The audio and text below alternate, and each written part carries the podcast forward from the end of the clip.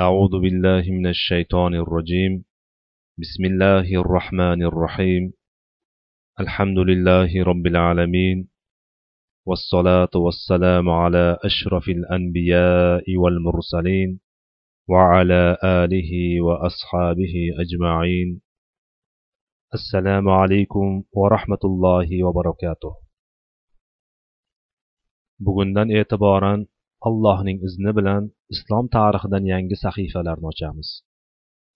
Islom tarixining dastlabki kunlari ya'ni payg'ambar sollallohu alayhi vasallamdan keyingi davr sanalgan xalifalik va umaviylar davlati tarixidan suhbat quramiz.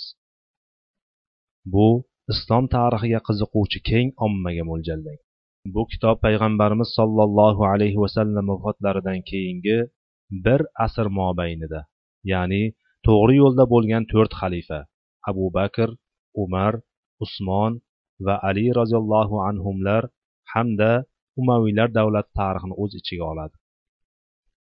Bu asr islom ummatining eng oliy darajadagi adolat va fazilatlarga to'la davri bo'lgan. Bu davrning eng afzal ekaniga payg'ambarimiz sollallohu alayhi vasallam sahih hadislarda bashorat berganlar. Bu asr misli ko'rilmagan ulkan g'alaba va fathlarga boy bo'lishdan bir qatorda ichki va tashqi dushmanlar tomonidan vaqti vaqti bilan qo'zg'ab turilgan ichki fitnalar ham talaygina sodir bo'lib o'tgan. Bu kitobda ana o'sha fitnalarni ularning kelib chiqish sabablarini ham to'g'ri yoritishga harakat qilingan. Siz bu kitobni o'qir ekansiz buyuk ajdodlarimiz bo'lmish sahobalar yashab o'tgan davrlarga ular boshidan kechirgan turli voqea va hodisalarga yana bir bor voqif bo'lasiz. Alloh taolodan tavfiq so'rayman va ushbu kitobimizdagi har bir harfi uchun ulkan ajrlar berishini va tarixdan ibrat olib go'zal xulosalar chiqarishimizni nasib qilishini so'rayman. Bismillahi rohmanir rohim butun olamlar parvardigori allohga hamdlar bo'lsin. Bandasi hamda payg'ambari muhammadga oila a'zolari va sahobalariyu qiyomat kunigacha u zotga yaxshilik bilan ergashgan kimsalarning barchasiga salovat salomlar bo'lsin. Bu tarix kitobi payg'ambar sollallohu alayhi vasallamning to'g'ri yo'l tutgan xalifalari sahobalar hamda mo'minlarning yetakchi sarkardalari shuningdek buyuk fathlar va yuksak amallarga to'la umaviylar islomiy davlatining tarixi haqidadir. Payg'ambar sollallohu alayhi vasallamning sahobalariga nisbatan bizning burchimiz qanday bo'ladi? Albatta ularga nisbatan bizning burchimiz chunonchi ahli sunna va jamoa olimlari ittifoq qilganidek ularni yaxshi ko'rishimiz hurmat etib ular haqida yaxshi gumonda bo'lishimizdir. Ular payg'ambar sollallohu alayhi vasallam madrasasining talabalari qur'oni karim hofizlari alloh yo'lida jihod qiluvchilar edi. Biz alloh taolo o'z kitobida hashr surasining o'ninchi oyatida ulardan keyin dunyoga kelgan zotlar aytuvdilar.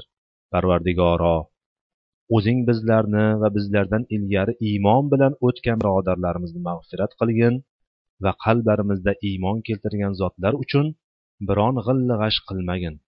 Parvardigoro albatta sen mehribon va rahmlidirsan deb xabar bergan kimsalar sirasidan bo'lishga intilaylik. Zero ular iymon jihod payg'ambar sollallohu alayhi vasallamga yordam berish bilan bizdan ilgari o'tganlar. Alloh ularning barchasidan rozi bo'lsin hamda barchalarini ham rozi qilsin. Ular haqida payg'ambarimiz sollallohu alayhi vasallam sahih hadisda sahobalarimni so'kmanglar. Jonim qo'lida bo'lgan zotga qasamki sizlarning biringiz uhud tog'i mislicha tillani infoq qiladigan bo'lsa ularning bir hovuchiga ham uning yarmiga ham yetmaydi deb aytgan. Va alloh taolo o'z kalomida ularni ko'plab o'rinlarda maqtagan. Masalan muhojir va ansorlarning birinchi peshqadamlari va ularga chiroyli amallar bilan ergashgan zotlar. Alloh ulardan rozi bo'ldi va ular ham allohdan rozi bo'ldilar. Tavba surasi yuzinchi oyat. Sahobalarning barchalari adolatli ishonchli solih mo'minlardir ahli sunna sahobalarning yomonliklari haqida qilinadigan barcha rivoyatlarga shubha nazari bilan qaraydilar hamda ularni yahudiylar majusiylar va ularning munofiq johil ergashuvchilar to'qib chiqargan to'qimalari yolg'on yashiq gaplari deb hisoblaydilar. To'g'ri sahobalar xato va gunohlardan pok emaslar. Biroq ular odamlarning gunohdan uzoqrog'i tavbaga esa yaqinroqlaridir. Ularning payg'ambar sollallohu alayhi vasallam bilan birga ulkan xizmatlari fidoyiliklari xayr ehsonlari samarali ibodatlari bo'lganki inshaalloh bu amallar ulardan sodir etilgan barcha nuqsonu kamchiliklarni o'chirib tashlaydi ba'zan ular ummati dinini deb yaxshi niyat bilan ishtihod qilib ayrim xatoliklarga yo'l qo'ydilar. Biroq bu holatlarda ulardan to'g'ri topganlari uchun ikki ajr xato qiluvchilari uchun bir ajr ya'ni savob bo'ladi. Ular zamon ko'ksidagi ajoyib nishoni. Tarixning yorqin yulduzlari bo'lganlari ularni ummatning hurmat va muhabbatiga sazovor qilib qo'ydi. Ba'zan kishi savol qilib qoladi. Shunday ekan nima uchun ular orasida fitna va urushlar sodir bo'lgan? Xalifalardan uchtasi qatl etilgan ba'zilari hukm sultonlik bilan jang qilgan. Biz allohning tavfiqi bilan aytamizki uchala xalifa umar usmon alilarning qatl qilinishi islom ularning botillariyu kufrlarini parchalab tashlagan yahud majus va munofiqlardan iborat din dushmanlarining rejalari asosida bo'lgan. Ularning uchalasi ham inshaalloh shahid bo'lganlar ammo ixtilof va urushlarga kelsak bu ularning ishtihodlari bilan bo'lganki ular bu bilan hukmronlik va hokimiyatga erishish uchun emas balki allohning yuzini uning roziligini istaganlar. Bu holatda ularga yuqorida aytganimizdek to'g'ri topuvchiga ikki ajr xato qiluvchiga bir ajr bo'ladi. Bu ishtihodlar va voqealarning tafsiloti inshaalloh o'z o'rnida aytib o'tiladi. Hatto haq yuzaga chiqib sahobai kiromlarning fazli yaqqol ko'zga tashlanadi. Alloh ularning barchasidan rozi bo'lsin va rozi ham qilsin. Allohning yolg'iz o'zi to'g'ri yo'lga yo'llovchi tavfiq beruvchidir. Abu bakr roziyallohu anhu o'n birinchi o'n uchinchi hijriy yillar. U kishining nasabi va fazilati. Bu kishi abdulloh ibn usmon taymiy qurayshiy bo'lib rasululloh sollallohu alayhi vasallamdan ikki yil keyin tug'ilgan. Johiliyat davrida abul kaba yoki abul uzzo deb nomlanar edi.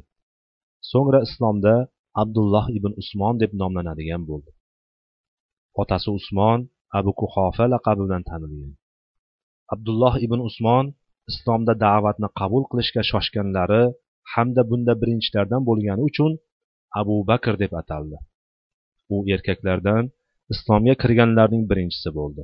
Shuningdek isro va meroj hodisasida rasululloh sollallohu alayhi vasallamni tasdiq etgani uchun siddiq deb sifatlanganlar. Binobarin u kishi rasululloh sollallohu alayhi vasallamni nafaqat bu hodisada balki uning barcha so'zlariyu amallarida tasdiq etardi. Abu bakr roziyallohu anhu johiliyat davrida yuzining chiroyli bo'lgani uchun atiq deb atalgan bo'lsa islomda ham payg'ambar sollallohu alayhi vasallam do'zaxdan birinchi bo'lib ozod etilishi bilan bashorat qilganlari uchun atiq deb tanildi. Bu to'g'rida rivoyat qilib aytishadiki payg'ambar sollallohu alayhi vasallam kunlarning birida bomdod namozini o'qib bo'lgach qaysi biringiz bugun ro'zador holatda tong ottirdi? deb so'radilar. Abu bakr roziyallohu anhu ey rasululloh men kechasi ertaga ro'za tutsam deb niyat qilib yotgan edim. Ro'zador holda tong ottirdim dedi. So'ng yana rasululloh sollallohu alayhi vasallam bugun kim kasalni ziyorat qildi? deb so'radilar. Umar roziyallohu anhu biz hozirgina namoz o'qib o'rnimizdan ham jilmadikku qanday qilib kasal ko'ramiz? deb aytdi. Abu bakr roziyallohu anhu men ey rasululloh menga birodarim abdurahmon ibn avf kasal ekanini xabar qilishgan edi. Masjidga kelishda yo'l yo'lakay oldidan o'tib holini so'ragan edim dedi. So'ng yana rasululloh sollallohu alayhi vasallam bugun qaysi biringiz biron sadaqa berdi? deb so'ragan edi. Umar ey rasululloh namoz o'qiganimizdan beri siz bilan birga qimirlamay o'tiribmizku. Qanday qilib sadaqa berib ulguramiz? dedi. Abu bakr yana men ey rasululloh masjidga kirgan edim. Qarasam bir kishi tilamchilik qilib turibdi. Abdurahmon ibn abu bakrning qo'lida bir burda non bor edi. Uni olib tilamchiga tutqazdim deb javob qildi. Payg'ambar sollallohu alayhi vasallam xursandlikdan yuzlari yorishib ey abu bakr sizga jannat muborak bo'lsin. Sizga jannat muborak bo'lsin deb aytdilar. Bu bilan u kishi payg'ambar sollallohu alayhi vasallam do'zaxdan najot topishi bilan bashorat bergan birinchi kimsa bo'ldi. Bundan abu bakr roziyallohu anhuning fazli va yaxshi ezgu amallarga bo'lgan shoshilishi ko'zga tashlanadi. Bu to'g'rida umar roziyallohu anhu aytadi men abu bakr bilan biron bir yaxshilik amalda musobaqa qilgan bo'lsam abu bakr meni barchasida ortda qoldirib ketgan. Ali ibn abi tolib roziyallohu anhu esa u ya'ni abu bakr hamisha sobiq bo'luvchi o'zuvchi edi. Jonim qo'lda bo'lgan zotga qasamki biz qachon bir ezgulik amalida bahslashgan bo'lsak abu bakr bizni ortda qoldirib ketgan degan. Abu bakr roziyallohu anhu kengchilik sharoitida o'sib ulg'aydi. Kiyim kechak savdosidan shug'ullanar edi. U tijoratidan katta mablag'ni jamlagan va bu mollar u kishi musulmon bo'lgandan keyin jihod tadorigi uchun bo'lgan. Zero u ko'plab mablag'i mol dunyosini din kalimasini oliy qilish alloh va rasulini rozi qilish uchun sarflagan.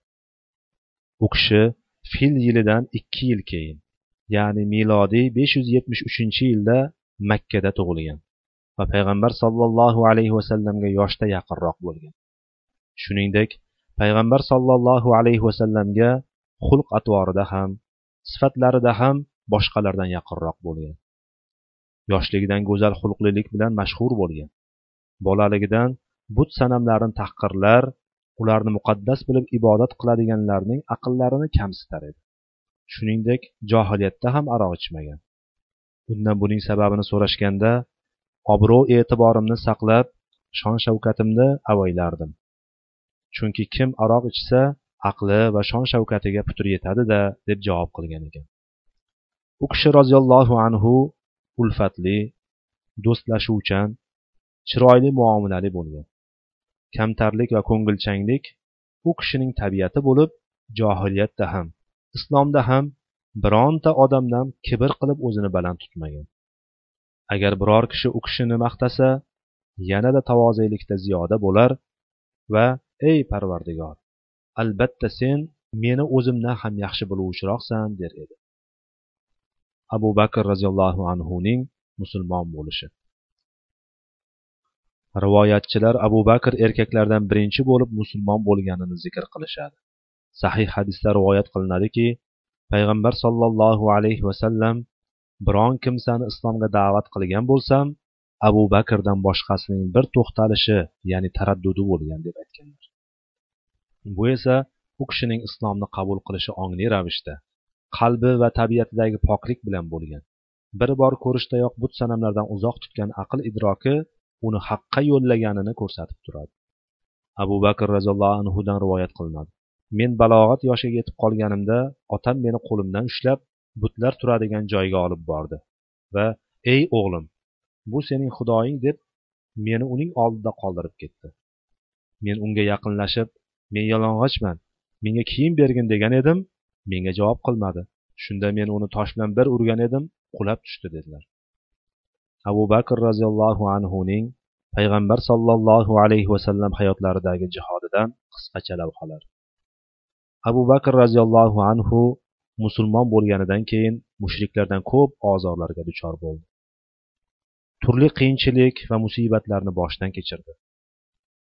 Alloh yo'lida yetgan bunday qiyinchiliklar tufayli kuchsizlanib kofirlarga taslim bo'lib qolmadi. Bunga biz makkada islomning avvalgi davrlarida musulmonlar bilan mushriklar o'rtasida kurash qizigan vaqtda utba ibn robiadan yetgan aziyatini keltirib o'tishimiz kifoya qiladi. Utba abu bakrni izlab topib uni shunday uradiki yuzlari shishib hatto tanimas holga kelib qoladi. Buning xabari abu bakrning qabilasi bani tayimga yetib borib ular yugurib kelishadi va u kishini mushriklardan ajratib olib kiyimida uyiga ko'tarib borishadi. Uning o'limida shubha qilishmas edi. Ulardan ba'zilari qichqirib allohga qasamki agar abu bakr o'ladigan bo'lsa utbani albatta o'ldiramiz dedi. So'ng abu bakrni o'rab olishib o'ziga keltirishga harakat qilishdi. Abu bakr o'ziga kelib birinchi aytgan gaplari rasululloh sollallohu alayhi vasallamga nima bo'ldi? Menga xabarini beringlar bo'ldi. Shunda ular u kishiga malomat toshini yog'dirib jirkib tashlashdi. Onasidan uni o'ziga keltirib qo'yadigan biron ovqat berishini talab qildilar.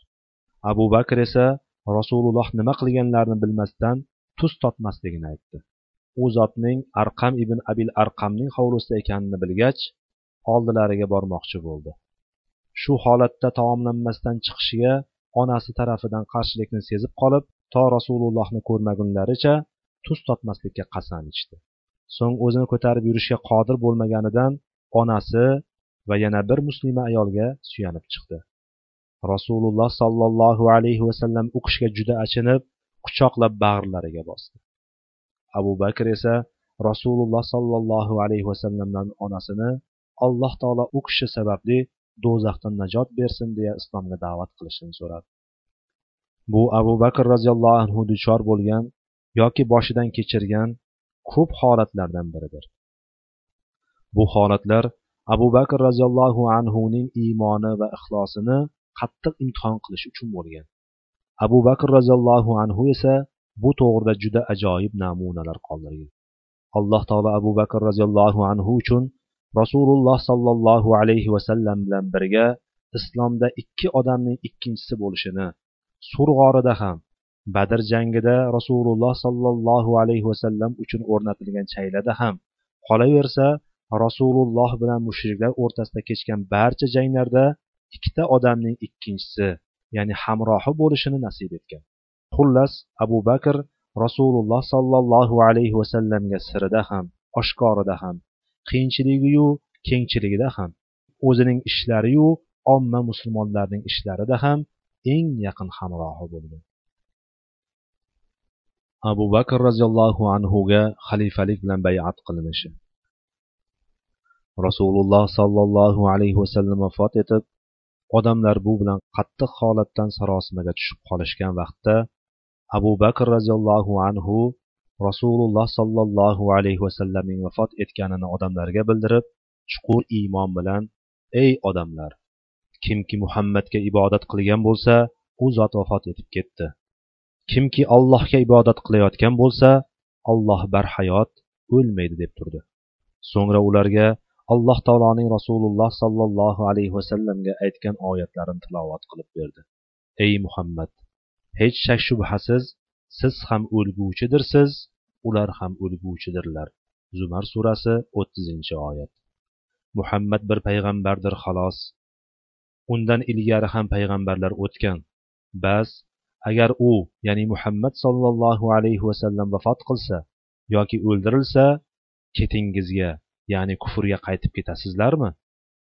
Kimda kim ketiga qaytib ketsa allohga biron ziyon yetkaza olmas balki faqat o'ziga zarar qiladi xolos. Alloh esa yo'llaridan qaytmay shukur qiluvchi bandalarini munosib mukofotlaydi. Oliy imron surasi bir yuz qirq to'rtinchi oyat. Bu haqiqatni anglab yetgan musulmonlarning vazifasi payg'ambar sollallohu alayhi vasallam robbisiga yo'liqqanlaridan keyin o'zlariga din va dunyo ishlarini boshqarib turadigan xalifa saylashga shoshilishlari kerak edi. Muhojirlar holatdan chiqib ketish uchun abu bakr bilan masjidda yig'ilishdi o'sha paytda ular bilan birga ansorlardan bittasi ham bo'lmagan edi. Abu bakr ansorlarning e'tiborli huquqlari bo'lgani uchun ularning ishtirokisiz bu kabi muhim mavzuda hukm chiqarishni xohlamadi. Bu ish butun islom ummatining ixtiyori va ittifoqi bilan bo'lishi bu yerda hech qanday ixtilof nizo yoki bo'linib ketish bo'lmasi lozim edi. Abu bakr roziyallohu anhu ansorlar soida qabilasining ayvonida yig'ilishganidan xabar topib u yerga umar va abu ubayda roziyallohu anhular hamrohligida tezda yetib bordi.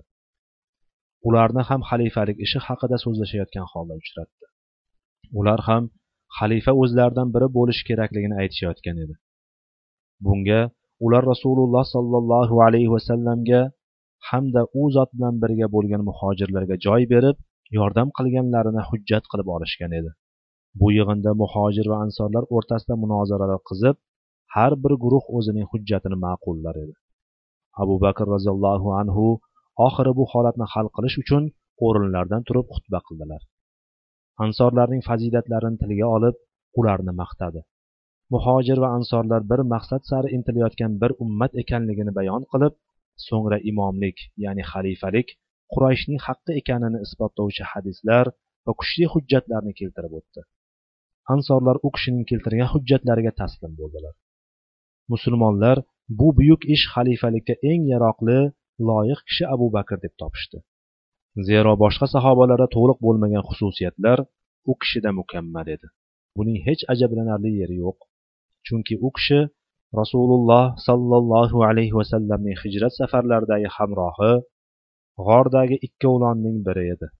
Rasululloh sollallohu alayhi vasallam betob paytlarida u kishini musulmonlarga imom bo'lishi uchun ilgari sura turib alloh ham musulmonlar ham abu bakrdan boshqani xohlamaydi deb aytgan edilar. Umar roziyallohu anhu abu bakrga qo'lini cho'zib bayat qildi. Shundan keyin barcha yig'ilganlar u kishiga bayat qilishdi. Ertasi kuni ya'ni hijriy o'n birinchi yil robiyul avval oyining o'n to'rtinchi kuni abu bakr musulmonlar bilan masjidda jamlandi va muhojiru ansorlar ijmosi bilan u kishining bayati to'liq bo'ldi. Shu bilan u kishining bayati shar'iy bo'lib itoati vojib bo'ldi. U kishi rasululloh sollallohu alayhi vasallamning xalifasi ya'ni o'rinbosari va to'g'ri yo'lidagi xalifalarning birinchisiga aylandi. Abu bakr roziyallohu anhuning siyosati. Biz abu bakr roziyallohu anhuning siyosatini u kishining payg'ambarimiz sollallohu alayhi vasallamning masjidlarida umumiy bay'at olganlaridan keyin so'zlagan qisqacha xutbasidan xulosa chiqarib olishimiz mumkin. U kishining aytganlari ichida ey odamlar men sizlarga voliy qilindim. Men oralaringizda eng yaxshisi emasman. Agar yaxshilik qilsam menga yordam beringlar. Agar yomonlik qilsam meni to'g'irlab qo'yinglar. Rostgo'ylik omonat yolg'onchilik esa xiyonatdir. Oralaringizdagi zaif kimsa unga inshaalloh haqqini olib bermagunimcha mening huzurimda kuchlidir. Oralaringizdagi baquvvat ya'ni kuchli kimsa mening huzurimda zaifdir. Hatto men undan inshaalloh haqqini olaman. Qaysi bir qavm allohning yo'lidagi jihodni tark qilar ekan alloh ularga xorlikni beradi. Qaysi bir qavmda buzuqliklar tarqalar ekan albatta alloh ularga baloni ommaviy qiladi. Modomiki men alloh va rasuliga itoat qilar ekanman menga itoat qilinglar. Agar alloh va rasuliga osiylik qilsam men uchun zimmalaringizda itoat qolmaydi. Bu xutba qisqa bo'lishiga qaramay fikr yuritgan kimsa unda hamma zamonu makonlarda xalqlar u bilan boshqarilishi mumkin bo'ladigan komil dasturni topadi. Bu xutba hokim odam ziynatlanishi lozim bo'ladigan tavozega shuningdek yaxshilik yo'lidagi hur fikrlilikka adolat va insofning oliy cho'qqilariga ishora qilib o'tadi. Alloh yo'lida jihod qilishga hamda faxsh va munkar ishlarga qarshi kurashga chaqiradi. Zulmu tug'yonga chek qo'yadi. Bu ham bo'lsa alloh va rasuliga itoat qilish va din odoblarini mahkam tutishdir. Agar hokim bu chegaradan chetga chiqadigan bo'lsa o'ziga ham odamlarga ham zulm qiluvchi bo'ladi. Bunday holatda esa odamlar zimmasida unga itoat qilish qolmaydi. Shunday qilib abu bakr roziyallohu anhu qisqa satrlar orqali tilidan avval qalbi so'zlaydigan to'g'ri buyuk siyosatni chizib beryapti. Buning ajablanarli yeri yo'q.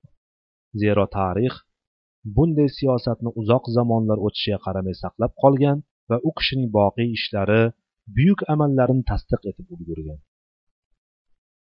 Suhbatimizni shu yerda yakunlaymiz. Vallohu taala alam. سبحانك اللهم وبحمدك أشهد أن لا إله إلا أنت أستغفرك وأتوب إليك وآخر دعوانا أن الحمد لله رب العالمين.